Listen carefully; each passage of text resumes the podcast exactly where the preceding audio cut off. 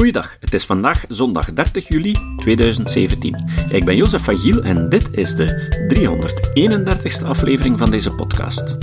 Johan Braakman denkt dat verhalen vertellen onmisbaar is voor ons mens zijn. Hij legt uit waarom in een benefietlezing voor Rolling Stone.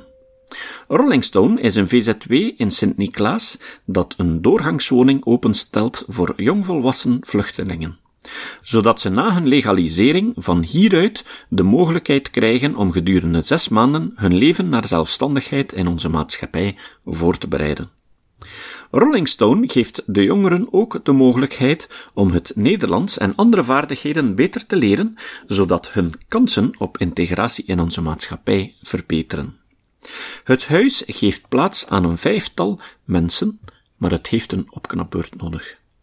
De lezing die jullie vandaag en in de volgende afleveringen horen, gaf Johan Braakman om geld op te halen om dit initiatief te steunen. Maar ze hebben meer nodig. Daarom zou ik u willen uitnodigen om als tegenprestatie voor het beluisteren van deze aflevering ook geld te storten op hun rekening. Het rekeningnummer van Rolling Stone en ook hun contactgegevens zijn te vinden op de notitiepagina van deze aflevering. En een idee? Geef als vermelding kritisch denken. Zo weten ze dat je via deze podcast geïnformeerd was. Wees gerust, wij krijgen daar geen deel van. Je kan natuurlijk ook contact opnemen met Rolling Stone om in uw eigen gemeente een gelijkaardig initiatief te starten. Dat was trouwens de inspiratiebron voor de naam van deze organisatie. De steen laten rollen zodat er nog initiatieven komen. Hier komt het derde deel van Er was eens. Vorige week hoorden we hoe verhalen ons als soort uniek maken en wat Theory of Mind is. In deze aflevering legt Johan uit hoe integraal verhalen deel uitmaken van ons bestaan als mens en welke vorm verhalen aannemen. Waar ik u dus nu de komende vijf minuten wil van overtuigen, is hoe compulsief dat wel is. Dat verhalen vertellend en verhalen consumerend vermogen als fundamentele eigenschap van de mens. U heeft daar misschien nog nooit over nagedacht, maar u weet dat het klopt als ik u zeg, kijk, steek mensen een micro onder hun neus, stellen een vraag en ze beginnen niets te vertellen. Ook al weten ze er niks van af. Maar ze gaan u iets vertellen, tenzij ze weglopen. Dat kom je soms tegen als reporter of zo. Hè. Maar als mensen blijven staan, micro onder de neus, van wat vindt u van, van dit of dat? Ze gaan nu, wat vindt u van global warming? Ze gaan iets vertellen. Bijvoorbeeld, ben daar tegen of zo, want enzovoort. Ter plekke. Je hoeft er niks van af te weten. Uw brein bedenkt spontaan een verhaal. Ik zal dus, ik loop al een beetje vooruit, argumenteren. In onze linker hemisfeer, linker hersenhelft, zit een is een plek van waaruit verhalen gegenereerd worden. Zonder dat u daar veel kunt aan doen. Dat dient daarvoor. Bedenken van verhalen. Waarom dan dat bestaat, dat is de, de centrale vraag, waar ik straks nog op terugkom. Kijk, Michael Gazzaniga is een Amerikaanse breinonderzoeker. En nu moet ik u dus even iets vertellen dat een beetje ingewikkeld klinkt maar het is, interessant toch dat ik u dat even uitleg. En Gezeniga heeft split-brain patiënten onderzocht. Hij heeft eigenlijk split-brain patiënten gemaakt, moet ik in feite zeggen. U weet dat uw hersenen uit twee delen bestaan, normaal gezien toch, en die zijn verbonden ja, door uh, een element uh, dat het corpus callosum heet. En dus de informatie van rechts kan naar links en de informatie van links kan naar rechts. Ja? Via dat verbindingstuk, zal ik maar zeggen. Maar bijvoorbeeld al decennia geleden, bij mensen die epilepsie hebben, zo hele zware epileptische aanvallen hebben, heeft men ontdekt dat het een middel is om die aanvallen te verminderen, als men dus die twee helften van elkaar losknipt. Dan kan dus uw linker en uw rechter hersenhelft niet meer met elkaar communiceren. Waarom is dat goed tegen epileptische aanvallen? Wel, omdat de golven, als het ware, die van links naar rechts heel hevig gaan, ja, worden daardoor geblokkeerd. Hè, en dat mildert de aanval. Het vervelende is dan wel dat uw linker- en hersenhelft niet meer met elkaar in verband staan.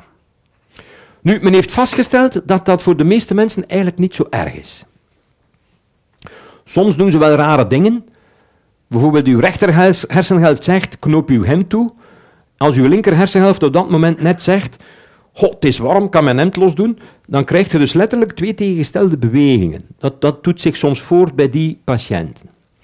Maar waarom ik ze nu aanhaal, is omdat Geseniga ontdekt heeft dat er dus in de linker hersenhelft, je zou bijna kunnen zeggen, een mannetje zit dat dus voortdurend verhalen bedenkt. Want het zit dus zo, als je dus iets ziet in uw linker blikveld, wordt dat normaal gezien verwerkt door uw rechter hersenhelft en omgekeerd. Iets wat je rechts ziet, wordt verwerkt door, of rechts vastneemt, wordt verwerkt door uw linker hersenhelft.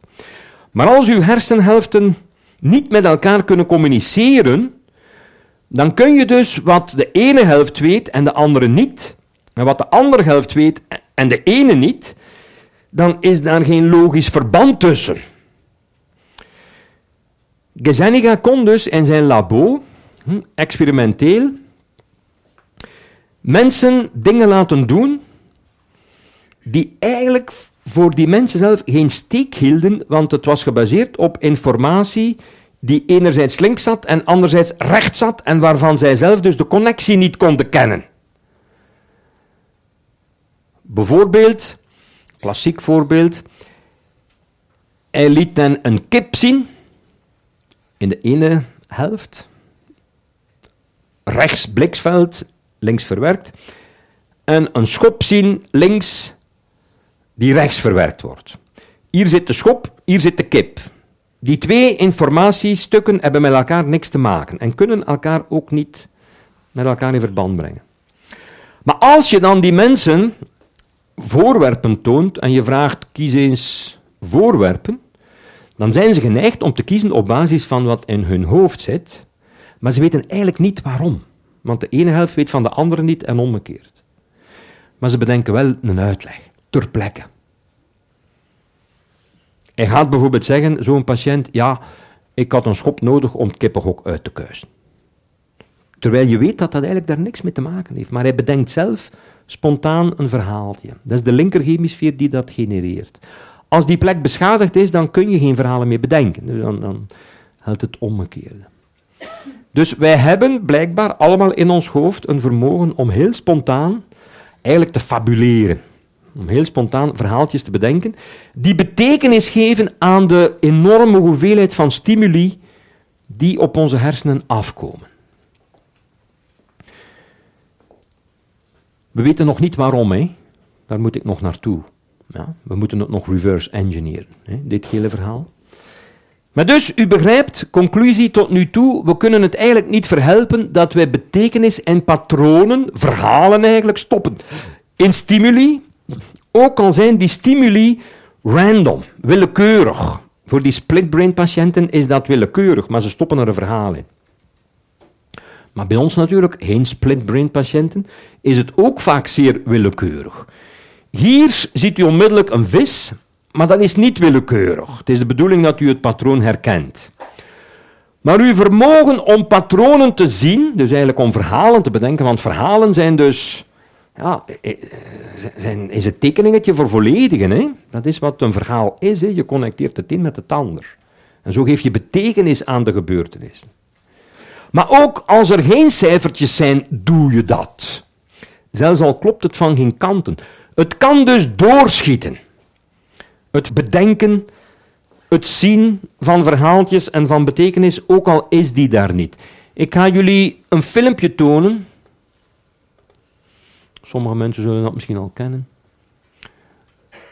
Het is een filmpje van 50 jaar oud. Dat gemaakt is door twee psychologen, Heider en Zimmel, om na te gaan of kinderen, kleine kinderen, misschien autisme zouden kunnen hebben. En hoe moet dat filmpje dat nagaan? Het probleem met autisme, je hebt verschillende, het is een spectrumstoornis zoals men dat noemt, maar bon. een centraal probleem is dus dat kinderen of mensen die autisme hebben minder in staat zijn om aan theory of mind te doen. Dat is een van die eigenschappen die ik heb aangehaald, die centraal zijn in het vertellen en consumeren van verhalen. Weten dat Anna Karenina een mind geeft en dat ze liefdesverdriet geeft en, en, en zelfmoordneigingen heeft enzovoort. Dat is theory of mind toepassen op een figuur uit een roman. Dat doet u met soapseries, dat doet u met elkaar, dat doet u met van alles en nog wat. Mensen met autisme kunnen dat moeilijker. Wij, als je geen autisme hebt, zijn daar net bij uitstek geweldig goed in. Eigenlijk komt het erop neer, wij overdrijven daarin. We schieten daarin door. We zien dus veel meer dan wat je eigenlijk normaal gezien zou kunnen zien. Zonder dat u zich dat realiseert. En dus het filmpje dat ik u ga tonen, u ziet een paar bolletjes en een driehoekje, of, of twee driehoekjes en een bolletje, willekeurig bewegen op het scherm. Maar u zal het niet kunnen verhelpen, tenzij u autisme heeft, van daar een verhaal in te zien. Dus dat mannetje in uw linker hemisfeer denkt, ja, maar dat zijn niet zomaar dingetjes die bewegen, daar zit meer in. Uw theory of mind schiet in actie. Uw mentale vermogens die spontaan verhalen bedenken, dus de, daar betekenis aan geven, schieten spontaan in actie en u kunt daar niks aan doen. Dus voor u het weet, zit u naar driehoekjes en bolletjes te kijken, die van elkaar moeten wegvluchten, die een plan moeten bedenken, die angst hebben, die een coalitie smeden enzovoort. U begrijpt, dat is totale onzin. Want bolletjes en driehoekjes kunnen geen plannen smeden, hebben geen emoties, kunnen geen angst ervaren enzovoort. Als u autistisch bent, dan zegt u: Ik zie bolletjes en driehoekjes. En die bewegen een beetje op het scherm. Als u niet autistisch bent, dan schiet uw mannetje in uw hoofd in actie en bedenkt het een verhaaltje. Het is een oud filmpje, dat ziet u, maar het werkt nog prima. Je kunt zelfs persoonlijkheidskenmerken eraan toeschrijven. Hè. U ziet misschien al een pestkop of een bully en zo. U ziet misschien een mannetje, een vrouwtje. In het filmpje zie je een open rechthoek waarvan één kant open en dicht gaat als een deur. Een grote driehoek, een kleine driehoek en een cirkel. Het deurtje van de rechthoek gaat soms open en dicht, de driehoeken en de cirkel bewegen in het rond waarbij ze soms elkaar raken, soms informatie bewegen en soms onafhankelijk van elkaar. Op de notitiepagina kan je een link naar deze Haider en Zimmer illusie vinden. Dus denk dat de meesten onder jullie daar dus spontaan al een verhaaltje gaan in geprojecteerd hebben ondertussen. Het wordt zelfs een beetje spannend en zo. Er moet een plan bedacht worden en ga zo maar door, een vluchtplan. Er is paniek zelfs. Dat is dus allemaal totale nonsens natuurlijk. Hè. Maar dus ik weet ook, als ik het stop voor het gedaan is, zijn er mensen die kwaad zijn, want ze willen weten hoe het afloopt. Terwijl het kan dus niet aflopen. Hè. Dat is dus net het punt. U, u wil het verhaaltje, ja, u wil de afloop kennen. Maar het verhaaltje is er niet eens. Uw brein bedenkt dat voor u spontaan. Pareidolie is een vergelijkbaar fenomeen waarbij je dus meer informatie in voorwerpen ziet dan er eigenlijk kan ingezien worden. Hier ziet u een stoel die u aankijkt en zelfs een beetje kwaad aankijkt. Hoe meer u er naar kijkt, hoe, duidelijker dat wordt. Op de duur gaat je zelfs weten wat u misdaan heeft. Dat is dat linker, die linker hemisfeer, dat mannetje, ja, doet dat spontaan voor u. Ja? Dus dat, dat spreekt gewoon voor zichzelf. Je gaat daar niet aan ontsnappen. Ja? Dit zijn hele simpele voorbeelden, maar ze maken toch veel duidelijk. Dus dit is gewoon een blaadje van een plant op de grond. Hè? Maar u ziet daar al een vrouwengezicht in. Hè? Met een heel verhaal. Hè? Ja. Kinderen reeds zeer jong, dat is, dat is een nieuwe invalshoek om u duidelijk te maken hoe eigen aan de mens dat is. Hè, dat vermogen om verhalen te bedenken, heel spontaan, u kunt het niet verhelpen. Maar kinderen reeds op zeer jonge leeftijd, u weet dat misschien van uw eigen kinderen als u er heeft, maar we weten dat ook uit psychologisch en pedagogisch onderzoek. Kinderen, zelfs nog voor ze eigenlijk kunnen praten, bedenken al verhaaltjes. Als je dus kinderen samenbrengt, dan gaan ze onmiddellijk verhaaltjes zelf bedenken. Hè. Jij bent moeder, jij bent vader en, en, en jij speelt dit en papa gaat werken. Ze, ze, spelen verhaaltjes, ze bedenken ze ter plekke. Of als je aan een kind vraagt, vertel mij eens een verhaaltje. Meestal is het omgekeerd, maar je moet aan kinderen vragen. Vertel mij eens een verhaaltje voor het slapen gaan. Wel, ze doen het. Hè. Ze kunnen nog niet lezen of zo, maar ze bedenken spontaan een verhaaltje. Kinderen doen dat spontaan automatisch. Uzelf doet vele tientallen keren per dag aan dagdromerij. Ook nu, terwijl u hier zit te luisteren, heeft u al verschillende keren een dagdroom gehad. Zo 10 tot 15 seconden dat u even offline gaat, zo, uw, bewustzijn wordt even uitgeschakeld, u, u luistert niet meer wat er gezegd wordt, u zit even in een alternatieve mentale wereld en je beleeft mini-verhaaltjes met andere mensen, andere situaties. Dat is uw mannetje in uw linkerhemisfeer bedenkt spontaan verhaaltjes. S'nachts natuurlijk heeft u dromen, geen dagdromen, maar nachtdromen zou je kunnen zeggen. Wat zijn dromen? Dromen in essentie zijn verhaaltjes die bedacht worden door uw brein tijdens uw slaap. De vraag waarom laat ik nog even in het midden. Er zijn tientallen theorieën over. Ik zal u de theorie vertellen die klopt. Ja, ik zou u niet bedriegen. Hè. Het is natuurlijk de theorie over dromen die aansluit bij de theorie die ik u wil vertellen over de vraag waarom wij verhalen vertellen. Waarom wij zo compulsief met verhalen bezig zijn. Eigenlijk, het feit dat wij dromen is daar een onderdeel van. Wat die reverse engineering is van dromen, verhalen, dagdromen enzovoort, pareidolie en, en al die voorbeeldjes die ik er al gegeven heb, ja, ik hoor nog even de spanningen, ik kom daar dus straks toe. Complottheorieën, een ander voorbeeld. U weet dat complottheorieën zeer populair zijn. Hè? Mensen bedenken complotten over van alles en nog wat. Dat is typisch uw verhalen bedenkende module die even in overdrive schiet en u, u ziet een complot. Dat is niet zo Je moet daar dus niet gek voor zijn. Je zou kunnen zeggen, het helpt misschien, maar nee. Een normaal mens bedenkt complotten. Een normaal mens ziet hierin een gezicht. Je moet niet gek zijn. Je moet niet denken, ja, ik moet dringend bij de psychiater, want ik zie daar een gezicht. Dat filmpje van daarnet, die bolletjes, die cirkeltjes, ja, je kunt dat niet verhelpen. Normale mensen zien betekenis ook daar waar ze helemaal niet is. Dus de vraag is nu waarom? Hè? Ik kom nu tot de kern van de zaak. Hè? We gaan dat nu proberen te reverse engineeren. En ik denk dat de sleutel tot het inzicht in het waarom heeft natuurlijk, niet verwonderlijk, te maken met de inhoud van verhalen. Van verhalen van allerlei slag. Hè? Of het nu in uw dagdromen is, uw nachtelijke dromen, uw complottheorieën, de boeken die u leest, de films die u bekijkt, de soapseries die u volgt, de computergames die u speelt, maakt allemaal niet uit. Wat daaraan opvalt, maar je hebt er misschien ook nog nooit bij stilgestaan, dat is dat het gros van de verhalen waar wij van houden, hè, die ons boeien, gaan over ellende, miserie, over moord en doodslag, over verraad, over oorlog, over geweld, over bedrog en noem maar op. Ze zijn onprettig.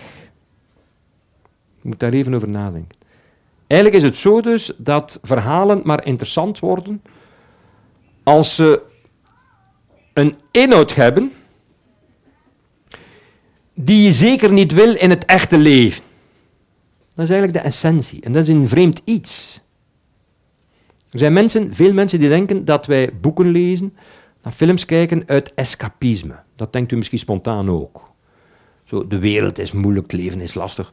Soms wil ik er, ik wil er een keer vanaf zijn, ik wil een keer weg zijn. Dus ik, ik sluit mij even op in een film of in een goede roman of zo, fictie. Het is iets totaal anders en zo. Escapisme, een beetje vluchtgedrag. Het is een vreemde vorm van escapisme, dat u zegt, ja, fantastische serie over een seriemoordenaars die vrouwen verkracht en opensnijdt. Tof escapisme. Dat is vreemd. Dat is vreemd. Ja. Als ik u een verhaal zou vertellen, stel dat u naar hier komt en u betaalt hier 20 euro, het is wel voor een goed doel, maar bon. En ik sta hier een verhaal te vertellen van twee uur lang over een vader die met zijn zoontje naar de supermarkt gaat en hij krijgt een boodschappenlijstje mee van de mama. En eh, ze rijden met een karretje rond in de winkel en ze, ze vinden alle boodschappen die ze moeten hebben. En een uurtje nadien gaan ze terug naar huis. En de mama zegt, wel schat, heb je alles gevonden? Ja, ja, we hebben het alles mee. En hij is flink geweest en zo. En ze maken eten en ze eten het op en daarna gaan ze gaan slapen. Voilà, einde verhaal. Ik denk het niet, hè. U wil een verhaal waarin de vader naar de supermarkt gaat en die kleine loopt daar in uh, de winkel rond en verdwijnt. En moet ontvoerd worden door Dutroux die ontsnapt is. Anders is het echt niet interessant. Of de vader moet op zijn minst daar zijn maîtresse ontmoeten of zo. Uh, zonder dat zijn vrouw het weet. Of de vrouw moet bezocht worden door haar minnaar of zo. Ik bedoel, er moet ernstige miserie in het verhaal zijn. Anders vraagt u uw held terug. Zelfs al is het voor een goed doel. Verhalen moeten miserie en ellende bevatten, of ze interesseren ons niet. Dat is heel vreemd, maar dat bevat denk ik de sleutel tot, tot de verklaring. En het geldt echt voor alle verhalen die het goed doen. Hè. Het Gilgamesh-epos is het oudste verhaal dat wij kennen. Hè.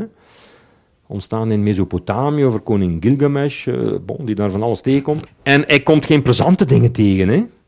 Zijn beste vriend gaat dood en zo. Hij moet met een monster vechten. Enfin, ja, het is... ja, moord en doodslag, hè. dat is het eerste verhaal. Kijk, u ziet hier oude afbeeldingen, die zijn duidelijk. Hè. Kain en Abel. Een broer die zijn broer vermoordt. Tof verhaal. Maar we kennen het. Dit is wat ons bezighoudt. Bij Shakespeare is het ook niet anders dan dat. Hè? Homeros, ook allerlei. Als u Homeros leest, dat is soms vele bladzijden lang. Moord en doodslag, vrij letterlijk. Het begint met de vrouw die ontvoerd is en dan staat er een oorlog. En zo. Dat is interessant. Dat blijft ons boeien, duizenden jaren lang. Maar ook dus de moderne verhalen die ongelooflijk succesvol zijn. Hè? The Lord of the Rings en Harry Potter hè, en zo. Dat is allemaal ook... Uh, dat is niet voor doetjes, hè. Dat zijn geen plezante verhalen. Er, ze zitten vol met miserie, met pijn, met geweld. Noem maar op. Maar ook dus andere soorten verhalen, maar niettemin ook verhalen. U ziet hier kinderen die computergames spelen. De computergame-industrie of de gaming-industrie is groter dan de filmindustrie. Wist u dat? Gaat daar veel meer geld in om, er zijn veel meer consumenten, wordt veel meer tijd aan besteed enzovoort. Dat is dus gigantisch. Maar gaming is eigenlijk, dat zijn verhalen hè, waar je in opgaat. Sommige van die verhalen zijn fantastisch, hè, waar, waar mensen dagenlang zich kunnen in onderdompelen. Sterker nog, anders dan in een film of een boek, in zo'n game kun je zelf een rol spelen. Live. Je bent een karakter Jij speelt mee alsof je dus op het scherm verschijnt en meedoet in, in de actie die nog niet vast ligt. Je hebt geen script. Je beleeft en creëert zelf het verhaal. Dat is onweerstaanbaar voor ons. De meesten hier zijn er misschien te oud voor, maar toch. Als je niet oplet en je begint het te spelen, dan. En die games, de meest succesvolle games, zijn ook zeer gewelddadig. Hè? Je moet er zoveel mogelijk een kop afschieten, en zo, letterlijk. Hè? Anders is het echt niet interessant. Dus waar u ook kijkt, u ziet altijd diezelfde karakteristieken. Er zitten natuurlijk ook in verhalen wat ik dan maar noem alledaagse problemen. Maar dat zijn voor ons ook ernstige problemen. Problemen die te maken hebben met de liefde, met liefdesverdriet, met opvoeding, met ziekte, met vrienden, buren, mannen, vrouwen enzovoort. Maar natuurlijk ook allemaal een beetje op scherp gesteld. Het vergroot het uit. Anders is het niet interessant. Als u naar thuis kijkt, Eigenlijk gebeurt in thuis alles wat in uw leven gebeurt, maar alleen een beetje dramatischer, op grotere schaal. Nou ja, maar het is miserie. Het is drama. Dus niemand heeft interesse in een verhaal waarin alles naar wens verloopt. Oké. En nu kan ik snel gaan, want ik kom nu tot de hypothese als reverse engineering van verhalen. Waarom dus? Ja, waarom zijn die verhalen belangrijk voor de mens? Op basis van wat hij al vertelde, kan je er een idee van hebben. Maar volgende keer zal Johan het jullie vertellen. Het citaat. Het citaat van vandaag komt van Joël de Keuleer. Joël de Keuleer is een Vlaamse journalist en opiniemaker die regelmatig in sceptische kringen vertoeft. Onlangs schreef hij een boek met als titel Gooi God niet weg. Een opmerkelijke titel voor een atheïstische schrijver. Ik heb het boek nog niet gelezen, maar het volgende citaat komt daaruit. De keuleer zei: Het was de Britse schrijver en wetenschapper Charles Percy Snow die in 1959 met het gedachte-experiment van deze twee vragen kwam. In zijn ondertussen legendarische lezing The Two Cultures, formuleerde Snow een klacht die meer dan 50 jaar later nog altijd geldt. Er gaat een diepe kloof tussen de zogenaamde alfa's en de beta's, tussen het universum van de veeleer literair georiënteerde intellectueel en dat van de meer wetenschappelijk beslagen medemens. Dat mag blijken uit het feit dat men in dat literair getinte universum zonder meer neerkijkt op iemand die niet weet wie Hamlet geschreven heeft, maar het perfect aanvaardbaar vindt om geen benul te hebben van de tweede hoofdwet van de thermodynamica. De wet van toenemende entropie. Tot de volgende keer. Deze podcast is het resultaat van het werk van veel mensen. Rick de Laat verbetert bijna al mijn teksten en maakt de meeste vertalingen. Emiel Dingemans verzorgt onze website en Facebookpagina. Ook Leon Korteweg en Stefan Sutens schrijven, vertalen of verbeteren soms artikelen. Leon onderhoudt bovendien het YouTube-kanaal van deze podcast. De muziek van de intro en de trailer heeft Nick Lucassen geschreven en soms maken we ook gebruik van muziek van Ad van Nederpelt, die ons zijn prachtige composities ter beschikking stelt. Dit was de podcast Kritisch Denken. Vergeet niet om alles kritisch te behandelen, ook deze podcast. Voor verdere informatie over deze podcast, links en voor de tekst, surf naar www.kritischdenken.info. Als je deze podcast belangrijk vindt, kun je me steunen door anderen warm te maken ook eens te luisteren. Stuur een e-mail naar vrienden met een link naar de website en plaats de link in de handtekening van je e-mails. Tevens kun je op iTunes deze podcast een beoordeling geven of een recensie schrijven. Of je kan op je eigen website of blog een link naar kritisch denken plaatsen.